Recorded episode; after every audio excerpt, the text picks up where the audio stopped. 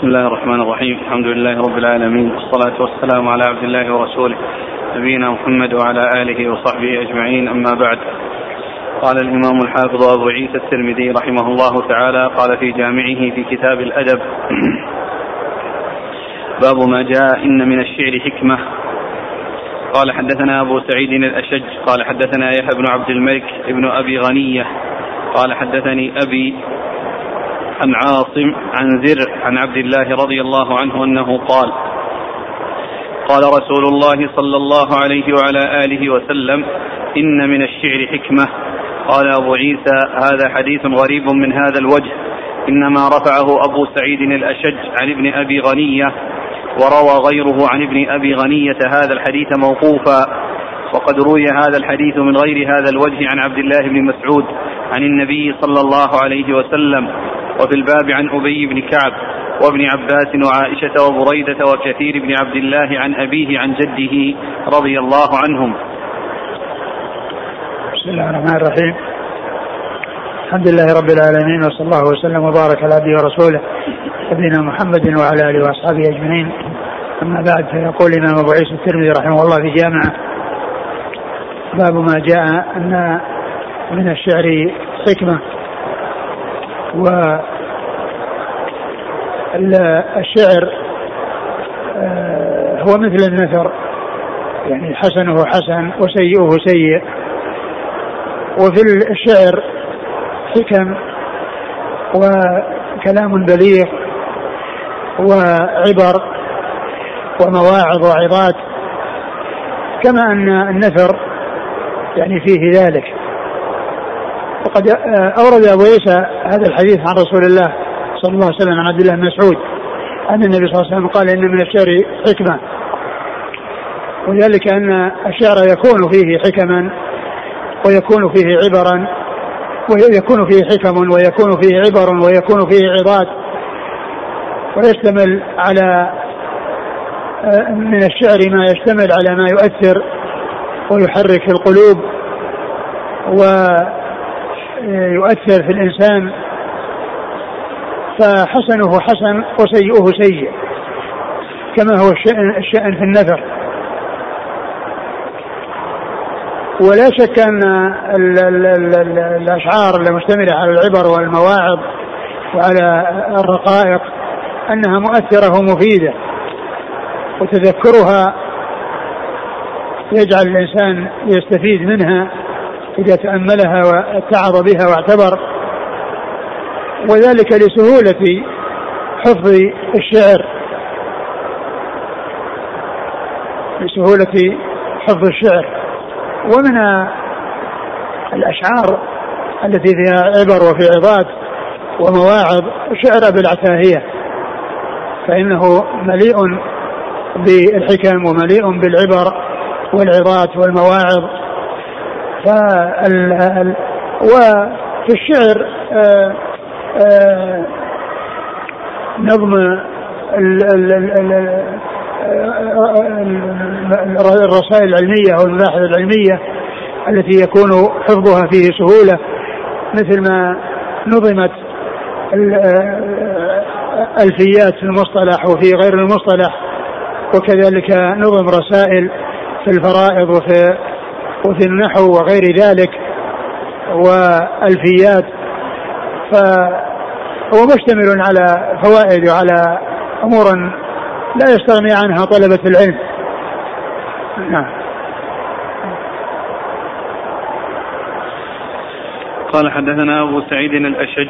هو عبد الله بن سعيد وهو ثقة أخرج له. أصحاب الكتب. نعم. عن يحيى بن عبد الملك بن أبي غنية. وهو صدوق اخرج له أصحاب الكتب وأبو داود في المراسيل. وأبوه ثقة اخرج أصحاب الكتب الستة. عن عاصم. عاصم ابن أبي النجود بن بهدلة وهو ابن أبي النجود وهو صدوق له اوهام أخرج حديث أصحاب الكتب وروايته في الصحيحين مقرون. عن زر. عن زر بن حبيش وهو ثقة أخرج له أصحاب الكتب الستة. عن عبد الله بن مسعود الهذلي صاحب رسول الله صلى الله عليه وسلم وحديثه أخرجه أصحاب الكتب الستة.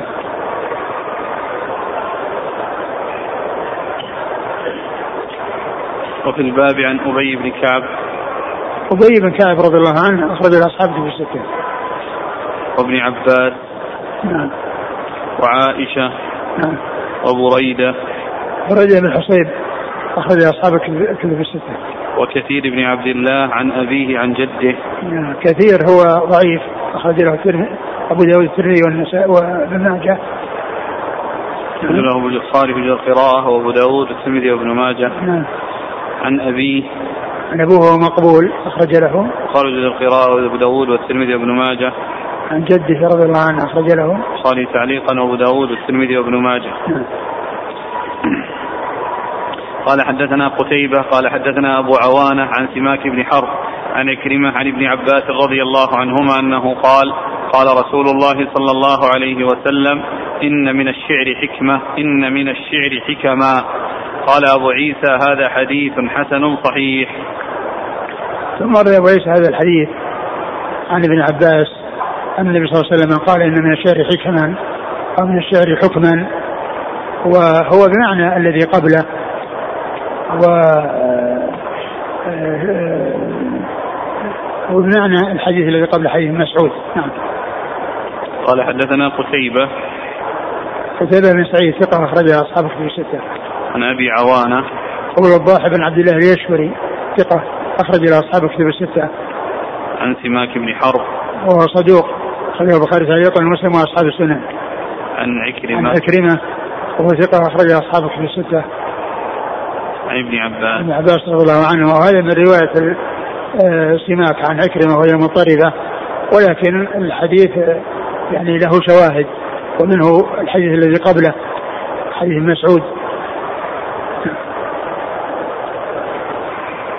يقول ذكر بعض أهل العلم أو بعض أهل العلم يرى أن ذكر الشعر في خطبة الجمعة بدعة. لأنه لم يرد عن النبي صلى الله عليه وسلم فما رأيكم؟ والله ما أعلم وجه لهذا. ما أعلم وجه لهذا لأن الخطبة المقصود منها يعني في تذكير الناس وتذكير الناس يكون بالشعر لكن ما تكون خطبة كلها شعر لكن يكون يستشهد بشعر ويؤتى بأبيات مفيدة. ما ليس هناك مانع يمنع من هذا. يقول قصيدة بانت سعاد فقلب اليوم مسبول التي قيل إنها قيلت في حضرة النبي صلى الله عليه وسلم، هل صحيح ذلك؟ أذكر أن الشيخ إسماعيل الأنصاري رحمة الله عليه له رسالة خاصة بها في قصيدة بانت سعاد وفي إسنادها وثبوتها أو عدم ثبوتها ما أتذكر الآن يعني هذا لكنه رسالة خاصة بهذه القصيدة فيما يتعلق بإسنادها وثبوتها. هل من يحفظ أو هل يحفظ من أراد أن يقيم لسانه يحفظ الأشعار التي فيها غزل كالمعلقات خاصة إذا كانت شواهد في النحو وغيرها من علوم اللغة؟ ما يؤثر. أقول لا يؤثر لأن الغزل يكون في أولها وهي أبيات قليلة وليس هو المقصود. المقصود ما وراء ذلك. يقول إذا كان الشعر حسنه حسن لماذا قال الله عن نبينا محمد صلى الله عليه وسلم وما علمناه الشعر وما ينبغي له.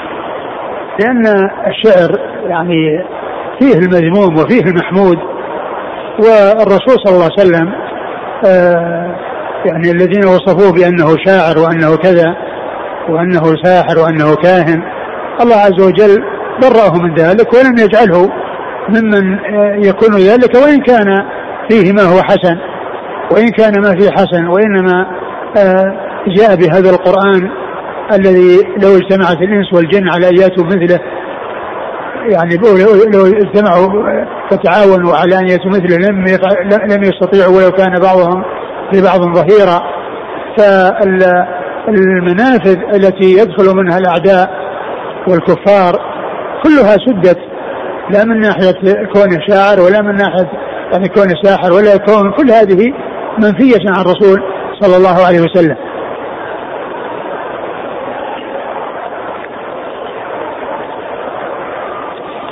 هذا أرسل فائدة في أقسام الشعراء. يقول والشعراء فعل من أربعة فشاعر يجري ولا يجري معه أو ولا يجرى معه وشاعر يسير وسط المعمعة وشاعر من حقه أن تسمعه وشاعر لا تستحي أن تصفعه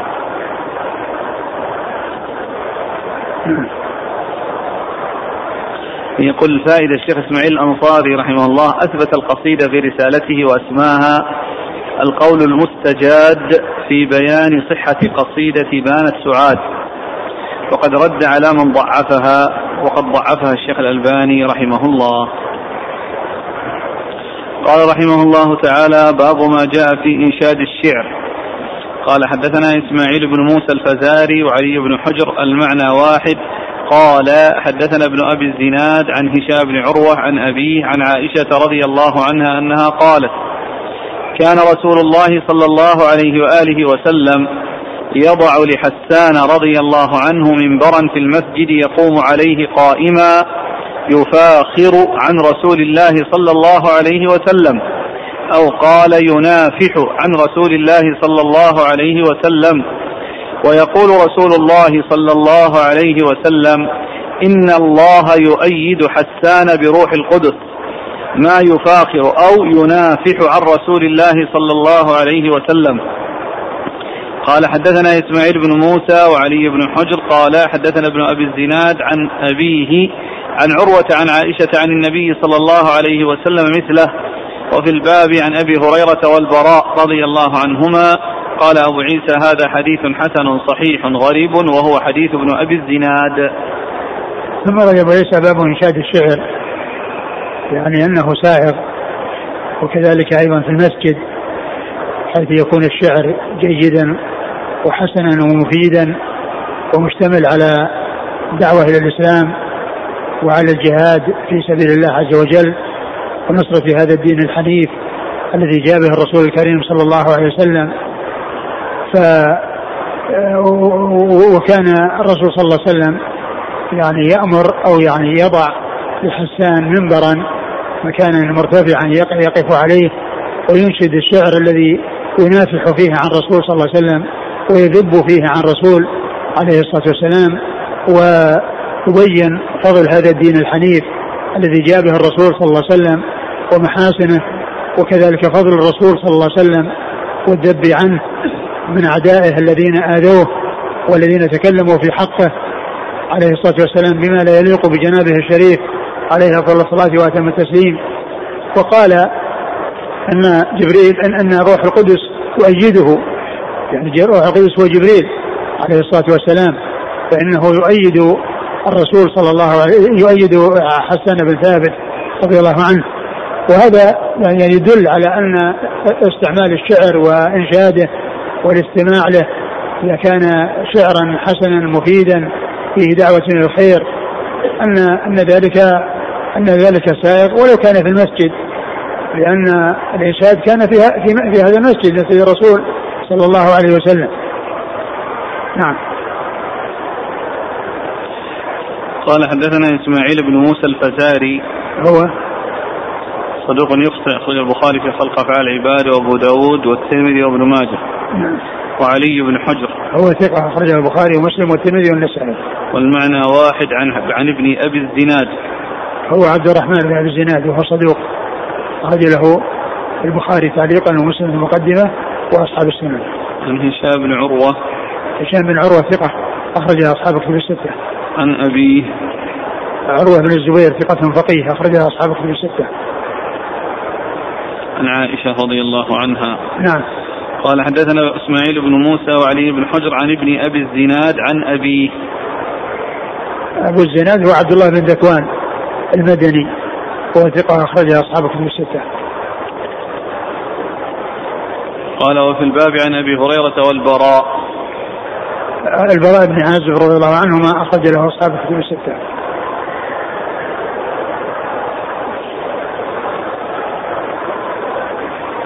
قال حدثنا إسحاق بن منصور قال أخبرنا عبد الرزاق قال أخبرنا جعفر بن سليمان قال حدثنا ثابت عن أنس رضي الله عنه أن النبي صلى الله عليه وسلم دخل مكة في عمرة القضاء وعبد الله بن رواحة رضي الله عنه بين يديه يمشي وهو يقول خلوا بني الكفار عن سبيله اليوم نضربكم على تنزيله.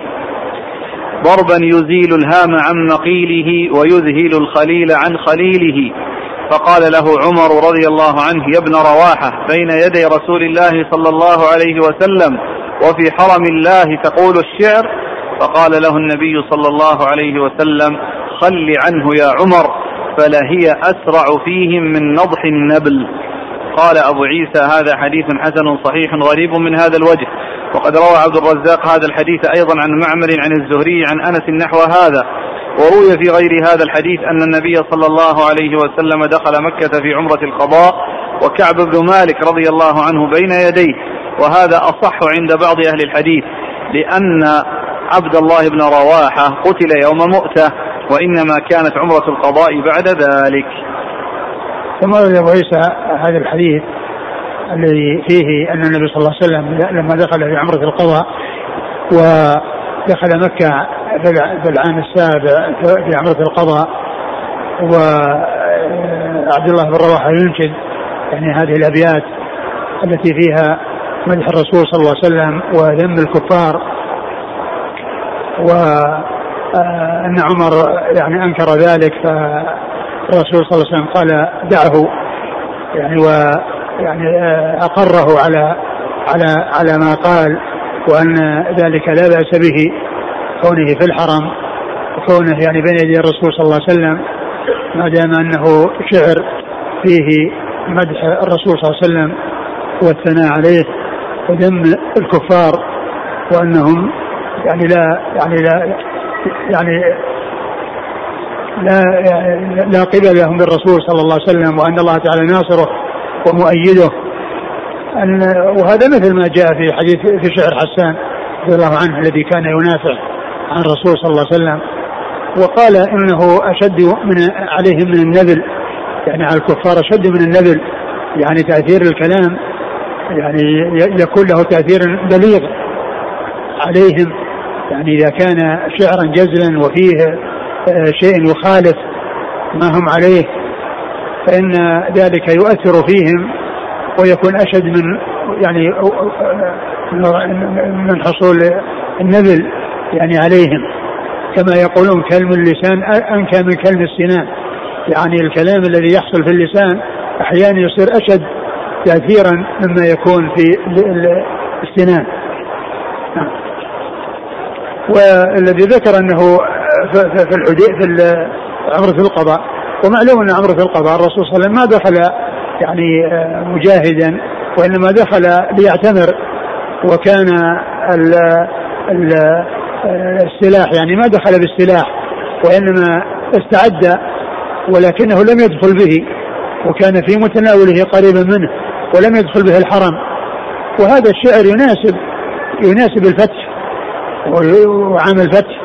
لأنه هو الذي فيه أن الرسول دخل مكة عنوة وأن الله تعالى نصر رسوله صلى الله عليه وسلم وأيده وخذل أعداءه ودخلت مكة في ولاية الرسول صلى الله عليه وسلم وفتحها صار سببا في دخول الناس في الإسلام. كما قال الله عز وجل إذا جاء نصر الله والفتح ورأيت الناس يدخلون في دين الله أفواجا فسبح بحمد ربك واستغفره إنه كان توابا. نعم. قال حدثنا إسحاق بن منصور. هو الكوسج ثقة أخرج أصحاب الكتب الستة إلا أبا داود. عن عبد الرزاق. بن همام الصنعاني اليماني ثقة أخرج أصحاب الكتب الستة. عن جعفر بن سليمان. وهو؟ صدوق البخاري المفرد ومسلم وأصحاب السنن. نعم. عن ثابت عن أنس. ثابت بن أسلم البناني ثقة اخرج أصحاب كتب الستة. عن أنس بن مالك رضي الله عنه خادم الرسول صلى الله عليه وسلم واحد السبع المكثرين من حديثه. وروى عبد الرزاق هذا أيضا عن معمر عن الزهري عن أنس. معمر هو بن راشد الأزدي البصري ثم آه، ثم اليماني ثقة أخرج اصحاب كتب الستة والزهري محمد بن مسلم بن عبيد الله بن شهاب ثقة أخرج أصحاب كتب الستة. وروي في غير هذا الحديث أن الذي كان بين يديه كعب بن مالك وهذا أصح عند بعض أهل الحديث لأن عبد الله بن رواحة قتل يوم مؤتة. نعم. وذكر الشارح أن أن أن, أن أن الحافظ يعني تكلم على كلام كلام الترمذي وأن هذه يعني انها إنها يعني إنها خطأ. يعني هذا الكلام. لأن لأن في عمرة القضاء كان يعني جعفر بن أبي طالب موجود وكان اختصموا في ابنه حمزة وهو أحدهم بعدما خرج في عمرة القضاء. لكن هو لا يستقيم يعني من ناحية يعني حتى نفس الأبيات. هي ما تناسب عمرة القضاء لأن القضاء ما فيها ما فيها قتال ولا فيها فتح. وإنما آه، اتيان بالعمرة آه، على حسب ما اتفق الرسول صلى الله عليه وسلم مع قريش في عمرة الحديبية. والقتل ومكة فتحت عنه في السنة الثامنة. وتلك الأبيات تناسبها تناسب الفتح نعم. لكن الآن كلا كلا الروايتين في عمرة القضاء لكن اختلاف هل هو كعب بن مالك ولا عبد الله بن رواح؟ لا بس هو الكلام على كونه يقول كون الترمذي هو كون هو, هو هي الأبيات هو أظن في بعض هذا يقول هذا عمل فتح وكذا ما في في هذا الموجود في المتن كلا الروايتين نعم كلا لكن, لكن في كلام في الشرح يعني حول حول إن هذا انه لعله انه عمل فتح. لأن الأبيات لا تناسب القضاء. ما فيها ما فيها قتل ولا فيها يعني آه، هذا الذي هذا يناسب عمل فتح. قال حافظ بعد نقل كلام الترمذي هذا ما لفظه. هو ذهول شديد وغلط مردود. وما أدري كيف وقع الترمذي في ذلك مع وفور معرفته ومع أن في قصة عمرة القضاء اختصام جعفر وأخيه وأخيه علي وزيد بن حارثة في بنت حمزة. وجعفر قتل هو وزيد وزيد وابن رواحة في موطن واحد. وكيف يخفى عليه؟ أعني الترمذي مثل هذا. ثم وجدت في عن بعضهم أن الذي عند الترمذي من حديث أنس أن ذلك كان في فتح مكة فإن كان كذلك اتجه اعتراضه لكن الموجود بخط الكروخي راوي الترمذي ما تقدم. انتهى. هي, هي الأبيات ما تناسب إلا مكة ما تناسب إلا فتح مكة. نعم.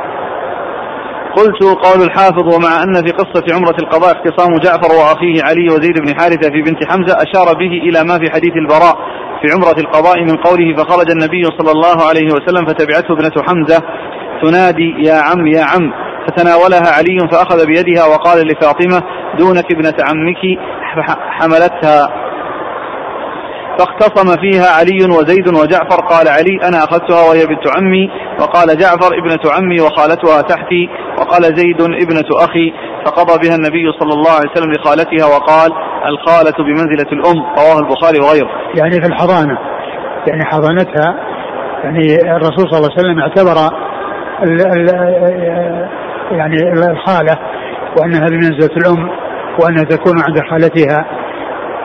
نعم. وأما قوله وجعفر قتل هو وزيد بن رواحة في موطن واحد فأشار إلى حديث أنس في غزوة مؤتة أن النبي صلى الله عليه وسلم نعى زيدا وجعفرا وابن رواحة للناس قبل أن يأتيهم خبرهم.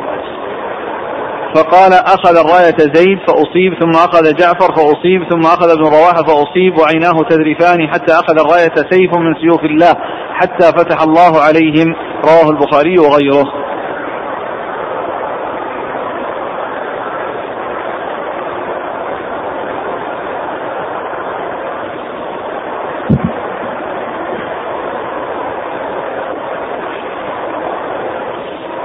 مع أن فيه الكلام كذلك يعني وهم آخر أشار إليه الشيخ الألباني رحمه الله حيث قال هنا عندنا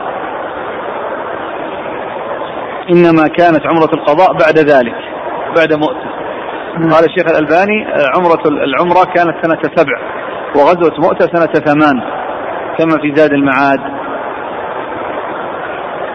وغيره فالإعلال بالمذكور مردود من مختصر الشمائل. ليش؟ فالإعلال بالمذكور. مردود نعم. من مختصر الشمائل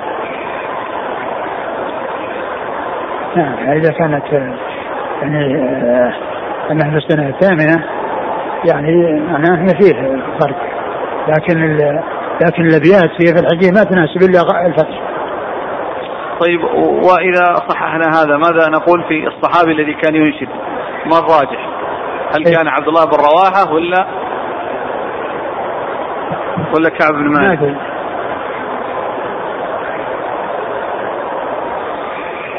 ما أدري لكن إذا كان انه يعني إذا كان انه يعني انه إنه مؤتى يعني بعد. يعني معنى ذلك ان هذا الذي حصل في عمرة القضاء إنه ما في إشكال. يعني انها انه كان كان موجود. يعني قبل يعني في في, في لأن وفاته بعد ذلك بسنة. فيكون ما في إشكال. يعني من ناحية عبد الله بن رواحة يقول هو الذي جاء في الإسناد إنه ان عبد الله بن رواحة. يبقى أن فتح مكة سنة ثمان. نعم ومؤتة سنة ثمان. بس عاد هذه أيهما متقدم فقتل فيها عبد الله بن رواحة. لا هو لا شك فتح مكة متأخر عن في رمضان. عن مؤتة نعم. لكن هل مؤتة في السنة الثامنة أو أنها في السابعة؟ أيهما أولى؟ هل هي في الثامنة أو في السابعة؟ قال حدثنا علي بن حجر قال أخبرنا شريك عن المقداد بن شريح عن أبيه عن عائشة رضي الله عنها أنها قال عن عائشة رضي الله عنها قال قيل لها هل كان النبي صلى الله عليه وسلم يتمثل بشيء من الشعر؟ قالت كان يتمثل بشعر ابن رواحة ويتمثل ويقول ويأتيك بالأخبار من لم تزودي. وفي الباب عن ابن عباس رضي الله عنهما قال أبو عيسى هذا حديث حسن صحيح. ثم أروي حديث عائشة أن النبي كان يتمثل يعني أنه يعني يستشهد يعني بشيء من الشعر. قالت نعم وكانت ذكرت أنه يتمثل بهذا الشطر من البيت ويأتيك بالأخبار من لم تزودي يعني من لم يعني آه تطلب منه أو يعني تكن آه آه جعلته آه يأتيك بالأخبار. أتاك شيء ما جاء في ذهنك. يأتيك بالأخبار أناس ما في ذهن ما كان في ذهنك أن يأتوك بهذه يأتوك بها. يعني ليس الأمر مقصورا على من آه، طلب منه أن يأتي بالأخبار. فيأتي بالأخبار من يطلب منه ومن لا, ومن لا يطلب منه.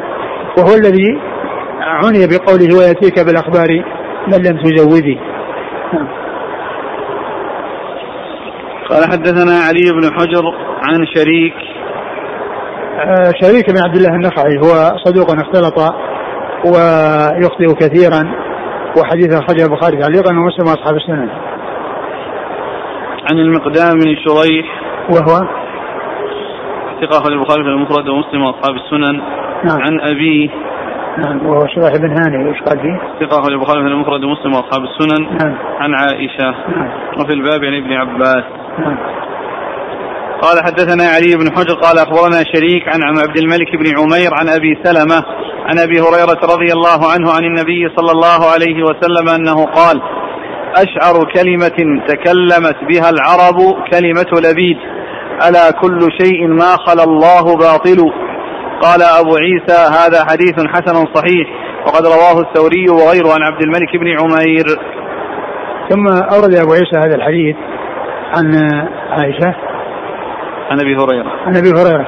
النبي صلى الله عليه وسلم قال أشعر وفي صحيح أصدق. كلمة قالها شاعر كلمة الذي على كل شيء ما خلى باطل وباقية البيت وكل نعيم لا محالة زائل. فكان صلى الله عليه وسلم يذكر هذه الجملة من البيت ويقول إنها أصدق كلمة قالها شاعر وذلك أن كل شيء آآ آآ سوى الله أو كل شيء لا يراد به الله عز وجل. فإنه يكون باطلا. نعم. قال حدثنا علي بن حجر عن شريك عن عبد الملك بن عمير. عبد الملك بن عمير ثقة أخرج له. أصحاب الكتب. نعم. عن أبي سلمة عن أبي هريرة. أبو سلمة بن عبد الرحمن ثقة أخرج أصحاب الكتب الستة. قال حدثنا علي بن حجر قال أخبرنا شريك عن سماك عن جابر بن سمرة رضي الله عنه أنه قال جالست النبي صلى الله عليه وعلى آله وسلم أكثر من مئة مرة. فكان أصحابه يتناشدون الشعر ويتذاكرون أشياء من أمر الجاهلية وهو ساكت فربما تبسم معهم. قال أبو عيسى هذا حديث حسن صحيح وقد رواه زهير عن سماك أيضا. والحديث الذي مر وقوله أصدق كلمة قالها شاعر المقصود بالكلمة الكلام. يعني القطعة من الكلام وليس المقصود بالكلمة الواحدة لأن الكلمة أحيانا يراد بها الكلمة المفردة وهي اسم أو فعل أو حرف. يقال لها كلمة ويراد بها الكلام. وهنا يراد بها الكلام لأن المقصود بها جملة من الكلام. يعني هذا مكون من عدة كلمات. ومن من ذلك قوله صلى الله عليه وسلم كلمتان حبيبتان للرحمن خفيفتان على اللسان ثقيلتان الميزان سبحان الله وبحمده سبحان الله العظيم. فإن سبحان الله وبحمده سبحان الله العظيم. مكونة من أكثر من كلمة. وكذلك قول الإنسان ألقيت كلمة أو ألقى فلان كلمة يعني ألقى كلاما. و وابن مالك يقول في الألفية آه، في الكلام واحدة كلمة والقول عم وكلمة بها كلام قد يؤم. وكلمة بها كلام قد يؤم يعني قد يقصد قد يقصد بالكلمة الكلام كما أنه يراد بها الكلمة المفردة فإنه قد يراد بها الكلام. وهذا الذي في الحديث من هذا القبيل. هذا الذي في الحديث أصدق كلمة هو من هذا القبيل. لأنه أريد بالكلمة الكلام. ثم ورد الحديث الثاني الذي فيه أن أصحاب الرسول صلى الله عليه وسلم البراء بن عازب الصحابي جابر بن سمرة. جابر بن سمرة قال إنه جلس مع يعني أكثر من مئة وأن أصحابه كان يعني يتذاكرون الأشعار في الجاهلية والرسول صلى الله عليه وسلم يسمع وكان يبتسم يعني أحيانا وهذا يدل على جواز مثل ذلك. نعم. قال حدثنا علي بن حجر عن شريك عن سماك عن جابر بن سمرة. جابر بن سمرة رضي الله عنه أخرج له أصحاب كتب الستة. قال وقد رواه زهير عن سماك. زهير هو ابن معاوية. ثقة أخرج أصحاب كتب الستة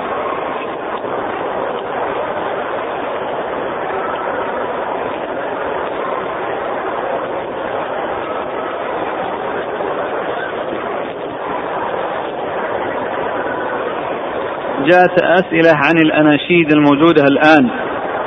وهل تدخل في هذا الشعر؟ فتكون هذه من أدلة الجواز؟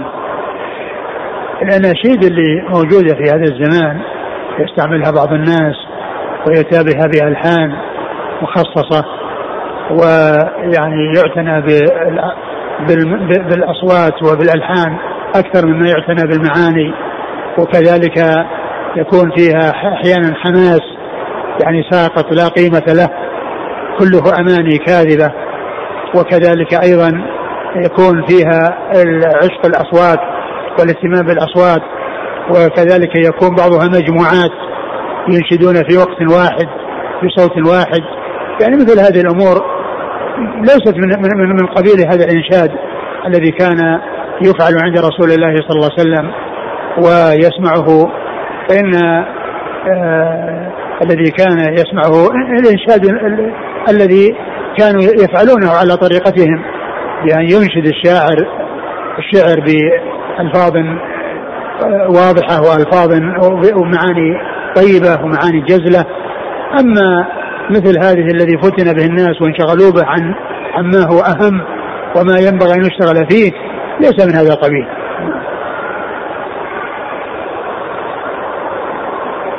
يقول شاعر يبيع قصائد غزلية بأموال طائلة ويتغنى بها الفنانون فهل المال الذي يأخذه حلال؟ وهل كل من سمع تلك الكلمات كلمات الأغنية يكون وزره على هذا الذي ألفها وقصدها؟ ما دام أنها غزل وفيها يعني تحريك المشاعر والتأثير على الناس فإن هذا لا شك أنه ضرر. ومثل ذلك لا يسوغ ولا يجوز.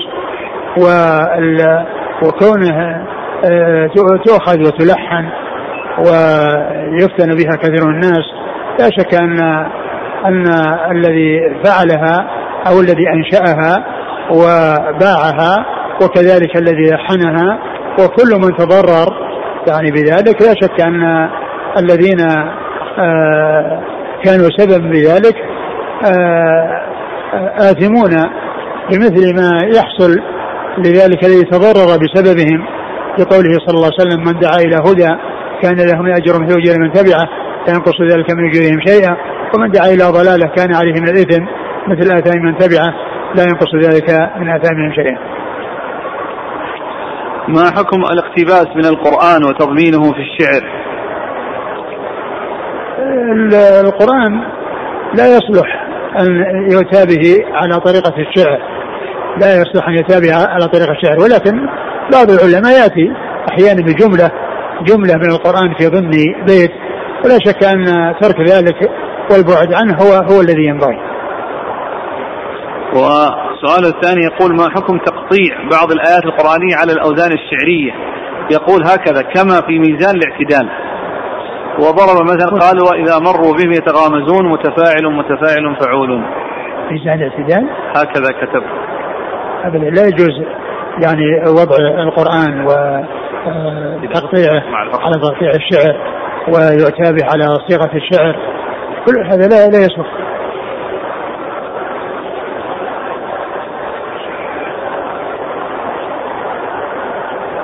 يقول البعض يشدد ويقول لا يجوز سماع أشرطة فيها أبيات ملحنة مثل نونية القحطاني. على كل التلحين الذي يشغل الناس بالأصوات هذا ما هو ما هو طيب. وأما التلحين الذي يكون فيه تأثير يعني تأثير الإلقاء يعني فيه تأثير هذا لا بأس به ولكن التلحين الذي فيه تكلف وفيه يعني انشغال بالأصوات عن المعاني هذا هو الذي لا يصلح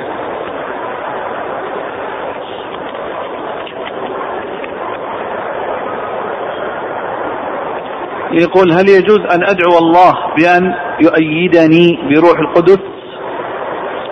اسال الله يدخلك الجنة ويعيذك من النار.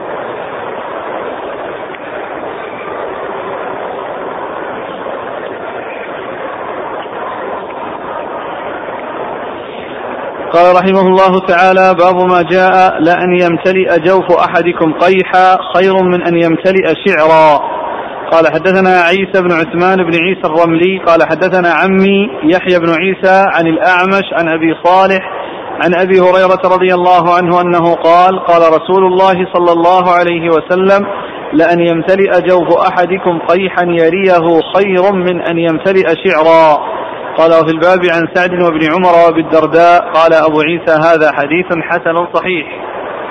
ثم ورد أبو عيسى باب لأن يمتلئ جوف أحدكم شعرا خير من قيحا خير من يمتلئ شعرا. الشعر إذا كان سيئا قليله قليله وكثيره كله سيء.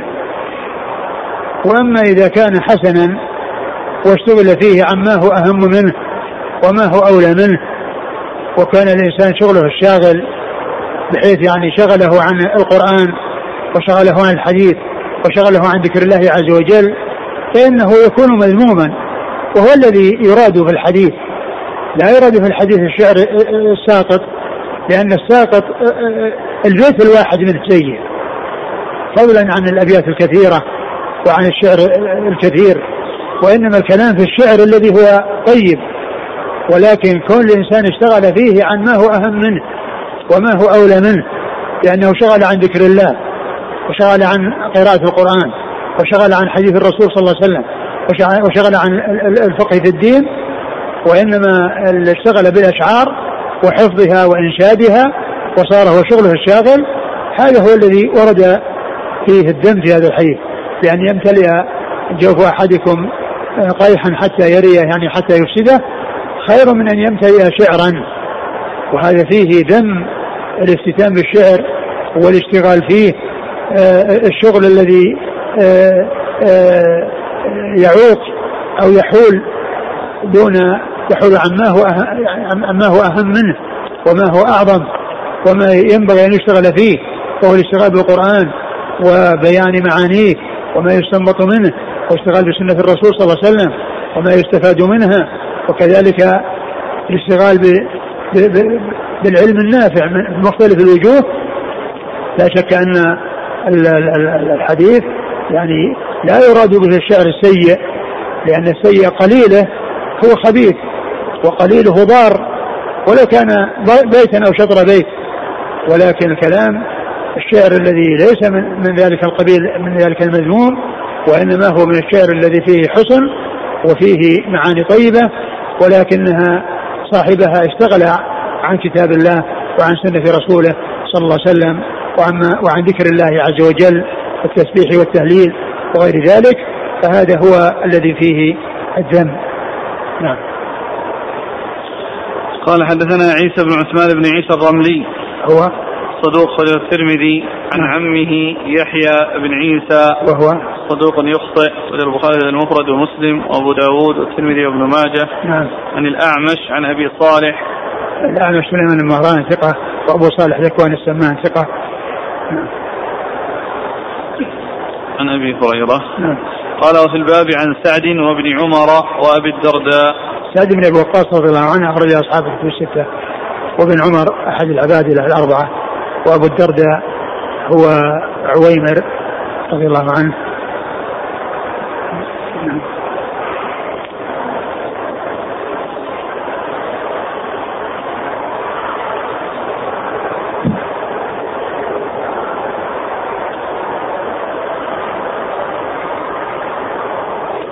قال حدثنا محمد بن بشار قال أخبرنا يحيى بن سعيد عن شعبة عن قتادة عن يونس بن جبير عن محمد بن سالم بن أبي وقاص عن أبيه رضي الله عنه. قال قال رسول الله صلى الله عليه وآله وسلم لأن يمتلئ جوف أحدكم قيحا خير له من أن يمتلئ شعرا. قال هذا حديث حسن صحيح. نعم.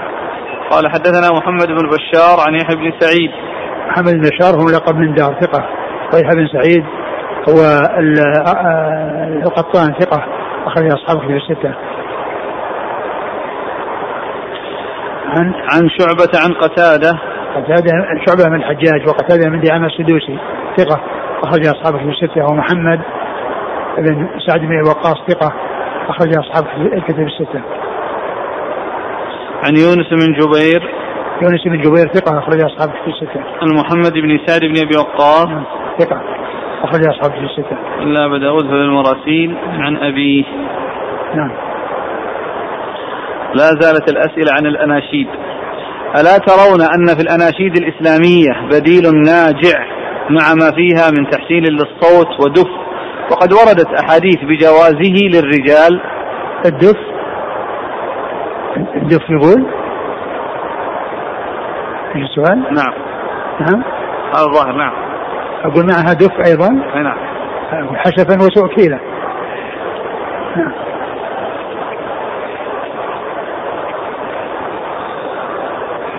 الدف ما جاء للرجال جاء في حق النساء وفي الأعراس. نعم.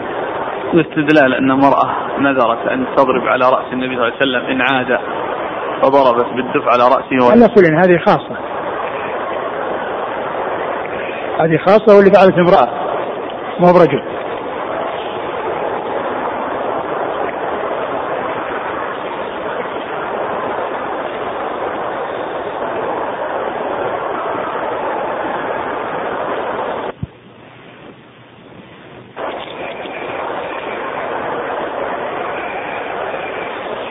قال رحمه الله تعالى باب ما جاء في الفصاحة والبيان. قال حدثنا محمد بن عبد الله الصنعاني قال حدثنا عمر بن علي المقدمي قال حدثنا نافع بن عمر الحجبي قال عن بشر بن عاصم أنه سمعه يحدث عن أبيه عن عبد الله بن عمرو رضي الله عنهما أن رسول الله صلى الله عليه وعلى آله وسلم قال إن الله يبغض البليغ من الرجال الذي يتخلل بلسانه كما تتخلل البقرة. قال أبو عيسى هذا حديث حسن غريب من هذا الوجه وفي الباب عن سعد رضي الله عنه. والباب في الفصاحة والبيان. الفصاحة والبيان إذا كانت آه، طبيعة وسجية ومنح الله عز وجل الإنسان استعملها فيما يعود عليه وعلى المسلمين بخير فهي محمودة. وأما إذا كانت تكلفا أو كانت فصاحة وبلاغة ولكنها صرفت في ما يعود عليه وعلى المسلمين بالضرر فإنها تكون مذمومة ويكون يعني تكون ضررا على صاحبها. وقد أورد أبو عيسى هذا الحديث أن النبي صلى الله عليه وسلم قال إن الله إن الله يبغض البليغ من الرجال الذي يتخلل بلسانه كما تتخلل البقرة بلسانها. يعني الذي يتكلف الذي يتكلف البلاغة والفصاحة. ويكون يحرك لسانه ويتشدق بالكلام مثل ما يحصل من البقرة التي تحرك لسانها في جمع آه، يعني الشيء الذي تأكله. ف يعني هذا ذم للفصاحة والبلاغة إذا كانت آه، بهذه الطريقة وبهذا التكلف الذي الإنسان يشغل نفسه بالتشدق وتقعر في الكلام والتعمق فيه. نعم. قال حدثنا محمد بن عبد الأعلى الصنعاني. هو ثقة أخرج له. مسلم وأصحاب السنن. نعم. عن عمر بن علي المقدمي. هو. ثقة أخرج أصحاب الكتب. نعم. عن نافع بن عمر الحجبي. هو. ثقة أخرج أصحاب الكتب. نعم. عن بشر بن عاصم. هو. ثقة أخرج أبو داود والترمذي وابن ماجه. نعم. عن أبيه. وهو. صدوق أصحاب السنن. نعم. عن عبد الله بن عمرو. رضي الله عنهما أحد العبادلة وحديثه أخرجه أصحاب الكتب الستة. لا قلت الحديث غلط. الجمحي. وفي الباب عن سعد. نعم. أوه.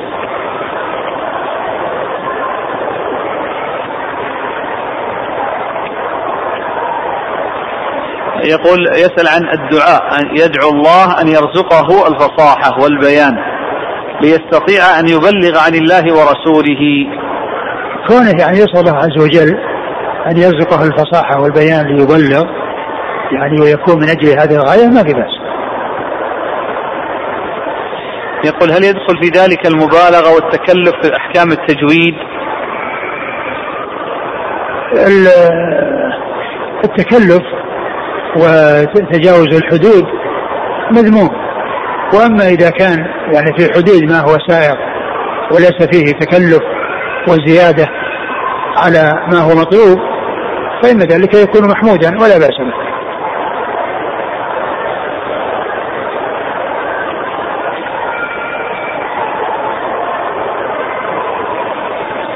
قال حدثنا إسحاق بن موسى الأنصاري قال حدثنا عبد الله بن وهب عن عبد الجبار بن عمر عن محمد بن المنكدر عن جابر رضي الله عنه أنه قال نهى رسول الله صلى الله عليه وسلم أن ينام الرجل على سطح ليس بمحجور عليه. قال أبو عيسى هذا حديث غريب لا نعرفه من حديث محمد بن المنكدر عن جابر إلا من هذا الوجه وعبد الجبار بن عمر يضعف. وهذا الحديث لا علاقة له بكتاب الفصاحة والبيان وإنما هو من الآداب التي فيها عدم تعريض النفس للتلف وذلك بكون الرسول نهى أن ينام على سطح ليس بمحجور. يعني ليس له جدران في الجوانب. يعني بحيث يخشى منه أن يتقلب ثم يسقط. بسبب أنه ما هناك حواجز تمنعه لأنه في حال نومه قد يحصل منه الانقلاب والتقلب من حال يعني من من من جنب إلى جنب. ثم يكون آه، ليس هناك حاجز يمنعه من أن يسقط. فيعرض نفسه للسقوط. فلهذا جاء عن الرسول صلى الله عليه وسلم النهي عن ذلك لما فيه من تعريض الإنسان نفسه للهلاك وللتلف. نعم. قال حدثنا إسحاق بن موسى الأنصاري. هو ثقة. أخرجه مسلم والترمذي والنسائي بن ماجه. نعم. عن عبد الله بن وهب. وهو ثقة أخرج أصحاب كتب الستة. عن عبد الجبار بن عمر. وهو ضعيف. أخرج له. الترمذي وابن ماجه. نعم. عن محمد بن المنكدر. وهو ثقة أخرج أصحاب كتب الستة. عن جابر. عن جابر رضي الله عنهما وهو من السبع المكثرين من حديث الرسول صلى الله عليه وسلم. والحديث فيه رجل ضعيف ولكن له شواهد. نعم. قال حدثنا محمود بن غيلان قال حدثنا أبو أحمد قال حدثنا سفيان عن الأعمش عن أبي وائل عن عبد الله رضي الله عنه أنه قال كان رسول الله صلى الله عليه وعلى آله وسلم يتخولنا بالموعظة في الأيام مخافة السآمة علينا. قال أبو عيسى هذا حديث حسن صحيح. قال حدثنا محمد بن بشار قال حدثنا يحيى بن سعيد قال حدثنا سفيان عن الأعمش قال حدثني شقيق بن سلمة عن عبد الله بن مسعود رضي الله عنه نحوه. ثم رد أبو يسر حديث مسعود رضي الله عنه. وهو فيما كان يفعله رسول الله عليه الصلاة والسلام من تخول أصحابه بالموعظة وأنه لا يديم عليهم ذلك لئلا يملوا ويسأموا وإنما يأتي بذلك بأوقات متفاوتة حتى يكون أنشط وأدعى إلى الاستيعاب لما يبلغهم إياه رسول الله صلى الله عليه وسلم. و فهذا فيه كمال نصحه صلى الله عليه وسلم وحرصه على نفع أصحابه وأنهم آه، تحصل لهم الفائدة بنشاط وبإقبال وبدون سأم وملل. وكذلك وأورده في كتاب في في باب الفصاحة والبيان لأن الرسول صلى الله عليه وسلم هو آه، كما أنه في عمله هذا فيه آه، تمكينهم من الفائدة وحفظها وحفظهم إياها وعدم فوات شيء منها وبعدهم عن السأم والملل فهو مع كونه يتخولهم بالفائدة هو عليه الصلاة والسلام هو أفصح الناس وهو أنصح الناس للناس عليه الصلاة والسلام. فهو من حيث الأداء هو أفصح الناس ومن حيث النصح هو أنصح الناس عليه الصلاة والسلام. وفعله هذا معهم هو من نصحه لهم عليه الصلاة والسلام لأنه يريد منهم أن يستفيدوا وألا يحصل منهم الملل والسآمة التي تحول بينهم وبين آه، استيعاب ما يلقيه عليهم الرسول صلوات الله وسلامه وبركاته عليه. قال حدثنا محمود بن غيلان. هو ثقة أخرج أصحاب كتب الستة إلا أبا داود. عن أبي أحمد. وهو الزبيري محمد بن عبد الله بن الزبير ثقة أخرج أصحاب كتب الستة. عن سفيان عن الأعمش. سفيان هو الثوري ثقة. أخرج أصحاب الستة. والأعمش سليمان بن مهران ثقة أخرج أصحاب كتب الستة. عن أبي وائل. وأبو وائل شقيق بن سلمة وهو ثقة مخضرم أخرج له أصحاب كتب الستة. عن عبد الله. قال حدثنا محمد بن بشار عن يحيى بن سعيد عن سفيان عن الأعمش عن شقيق بن سلمة عن عبد الله بن مسعود. قال رحمه الله تعالى باب قال حدثنا أبو هشام الرفاعي قال حدثنا ابن فضيل عن الأعمش عن أبي صالح. قال سئلت عائشة وأم سلمة رضي الله عنهما أي العمل كان أحب إلى إلى رسول الله صلى الله عليه وعلى آله وسلم؟ قالتا ما ديم عليه وإن قل. قال أبو عيسى هذا حديث حسن غريب من هذا الوجه. وقد روي عن هشام بن عروة عن أبيه عن عائشة رضي الله عنها قالت كان أحب العمل إلى رسول الله صلى الله عليه وسلم ما ديم عليه. قال حدثنا بذلك هارون بن إسحاق الهمداني. قال حدثنا عبدة عن هشام بن عروة عن أبيه عن عائشة عن النبي صلى الله عليه وسلم نحوه بمعناه. قال هذا حديث حسن صحيح. ثم وليس هذا الحديث عن عائشة وأم سلمة رضي الله عنهما أن النبي صلى الله عليه وسلم قال أحب العمل إلى الله ما ديم عليه. أي ما داوم عليه صاحبه وإن كان قليلا. كون الإنسان يداوم على عمل صالح معلوم ان هذا من النوافل. وأما الفرائض فهذا لازم للجميع ومتحتم على الجميع وإنما المقصود من ذلك النوافل. فكل إنسان يكون عنده أعمال صالحة زائدة على الفرائض يأتي بها ويداوم عليها ولو كانت قليلة اولى من كونه يأتي بالكثير في وقت ثم ينقطع عنه. لأن الإنسان إذا كان مداوما على العمل ولو كان قليلا إذا وافاه الأجل يوافيه وهو على صلة وثيقة بالله عز وجل ويكون على عمل صالح ولهذا يقولون قليل تداوم عليه خير من كثير تنقطع عنه. قليل تداوم عليه خير من كثير تنقطع عنه. لأنك بالمداومة تكون على صلة بالله وعلى عمل صالح تأتي به في باستمرار ولو كان قليلا. وهذا أولى من كون الإنسان يجتهد في وقت ثم يهمل في أوقات فقد يأتيه الموت في حال الإهمال. ولكنه إذا كان مديما آه، على العمل الصالح ولو كان قليلا فإنه يأتيه الموت على على على حالة حسنة. ولهذا يقول الله عز وجل يا أيها الذين اتقوا الله حق تقاته ولا تموتن إلا وأنتم مسلمون. يعني معنى دوموا على الإسلام والتزموا بأحكام الإسلام واستمروا على ذلك لأنكم إذا كنتم كذلك يأتيكم الموت وأنتم على حالة طيبة. نعم. قال حدثنا أبو هشام الرفاعي ليس بالقوي اخرج له مسلم والترمذي وابن ماجه. نعم. عن ابن فضيل. وهو محمد بن فضيل بن غزوان ثقة صدوق أخرج أصحابه في الستة. عن الأعمش عن أبي صالح عن عائشة وأم سلمة. أم سلمة هي هند بنت أبي أمية أم المؤمنين رضي الله عنها وحديثها أخرجه أصحاب الكتب الستة. قال حدثنا هارون بن إسحاق الهمداني هو صدوق رجل البخاري القراءة والترمذي والنسائي بن ماجه نعم عن عبده عبده بن سليمان ثقة أخرج أصحاب الكتب الستة. عن هشام بن عروة عن أبيه عن عائشة. نعم. قال رحمه الله تعالى باب قال حدثنا قتيبة قال حدثنا حماد بن زيد عن كثير بن شنظير عن عطاء بن أبي رباح عن جابر رضي الله عنه أنه قال قال رسول الله صلى الله عليه وعلى آله وسلم خمروا الآنية وأوفئوا الأسقية وأجيفوا الأبواب وأطفئوا المصابيح فإن الفويسقة ربما جرت الفتيلة فأحرقت أهل البيت. قال أبو عيسى هذا حديث صحيح وقد روي من غير وجه عن جابر عن النبي صلى الله عليه وسلم. ثم روي أبو عيسى نعم. قال صلى الله عليه وسلم خمروا الآنية. آه، أروي أبو عيسى هذا الحديث قال خمروا الآنية. أي غطوها لأن التخمير هو التغطية ومنه الخمار خمار المرأة الذي تغطي بوجهها ومنه كونه خمر وجهه عند العطاس يعني حتى لا يتناثر يعني شيء بسبب ذلك و فالمقصود بالتخمير هو التغطية.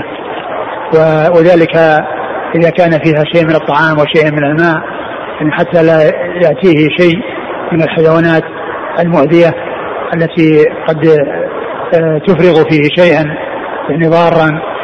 وخمر الآنية و وأوكئ الأسقية. وأوكئ الأسقية.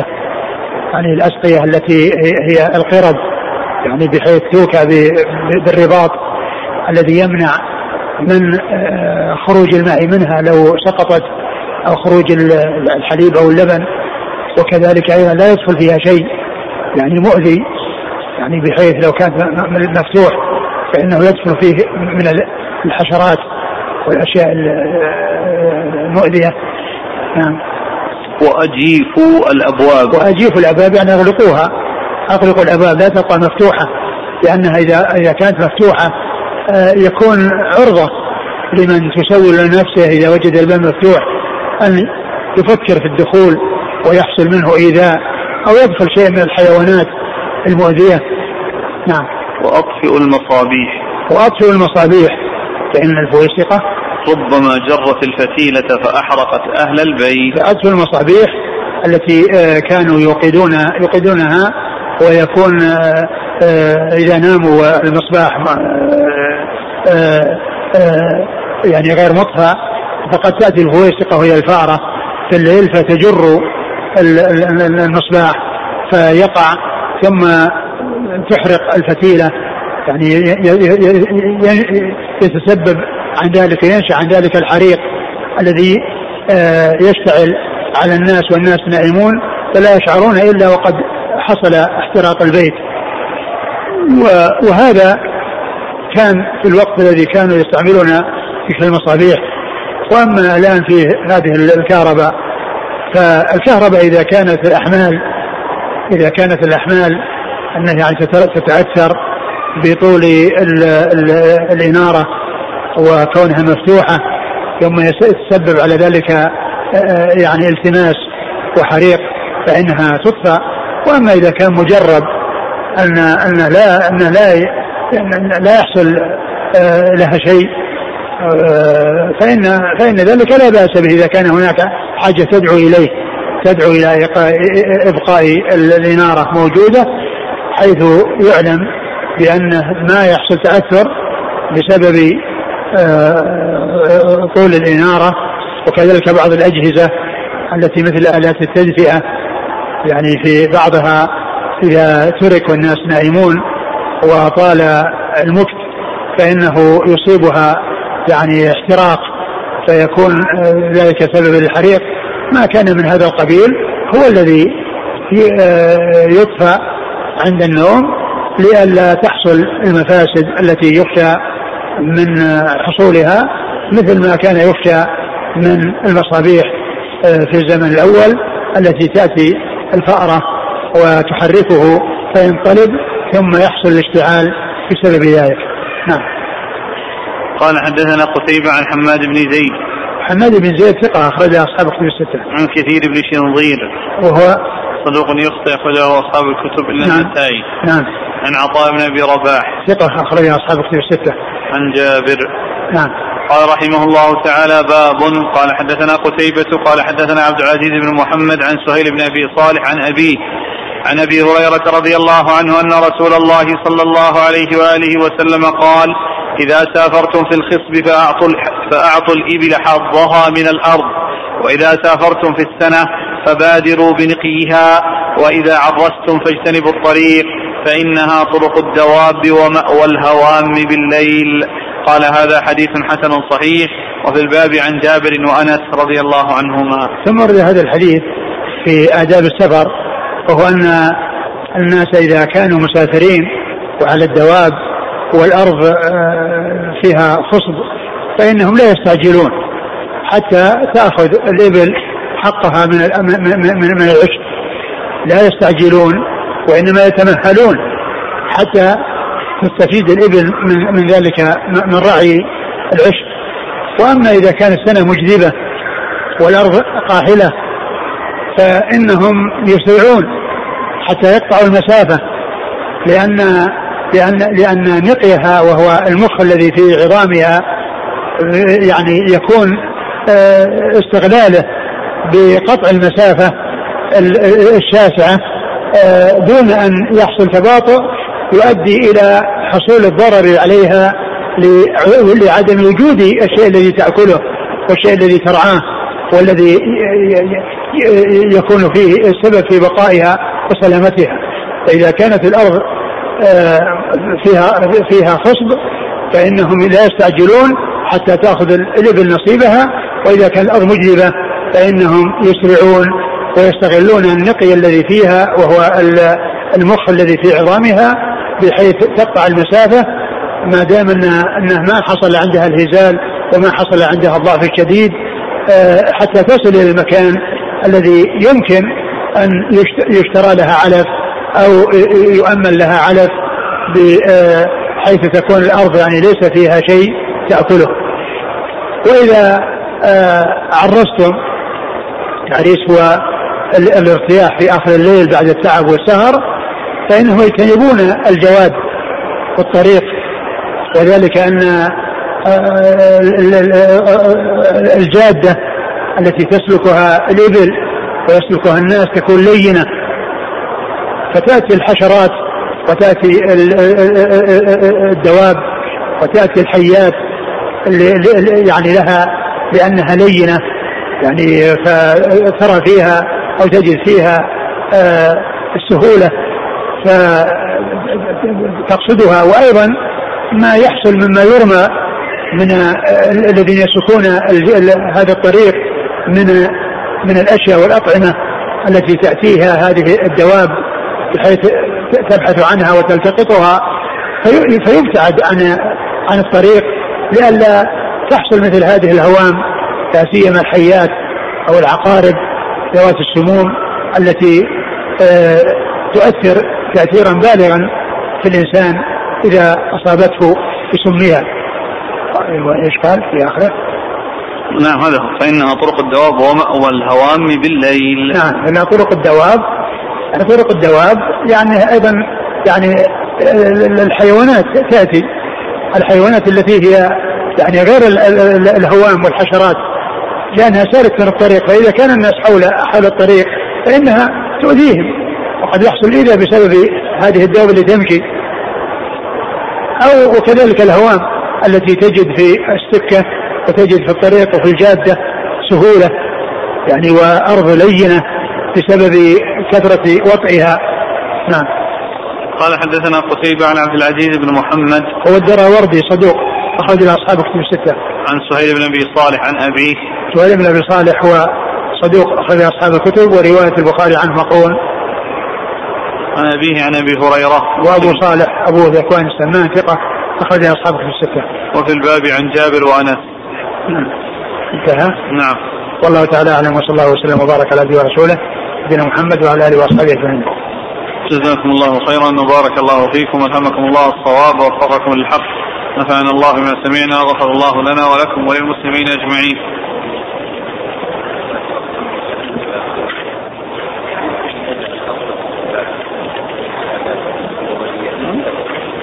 نعم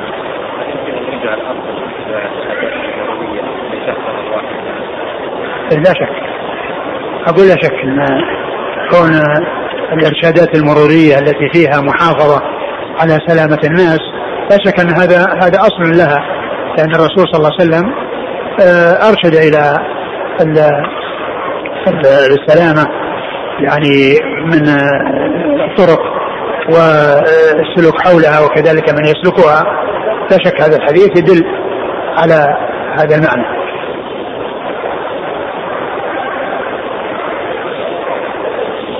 يقول فضيلة الشيخ أنا رجل كنت وكيل شخص على بناء بيت وفي أحد الأيام جاء صاحب العمارة وسلم مبلغ عشر آلاف ليسلمها لي ولم يسلمها لي. جاء جاء.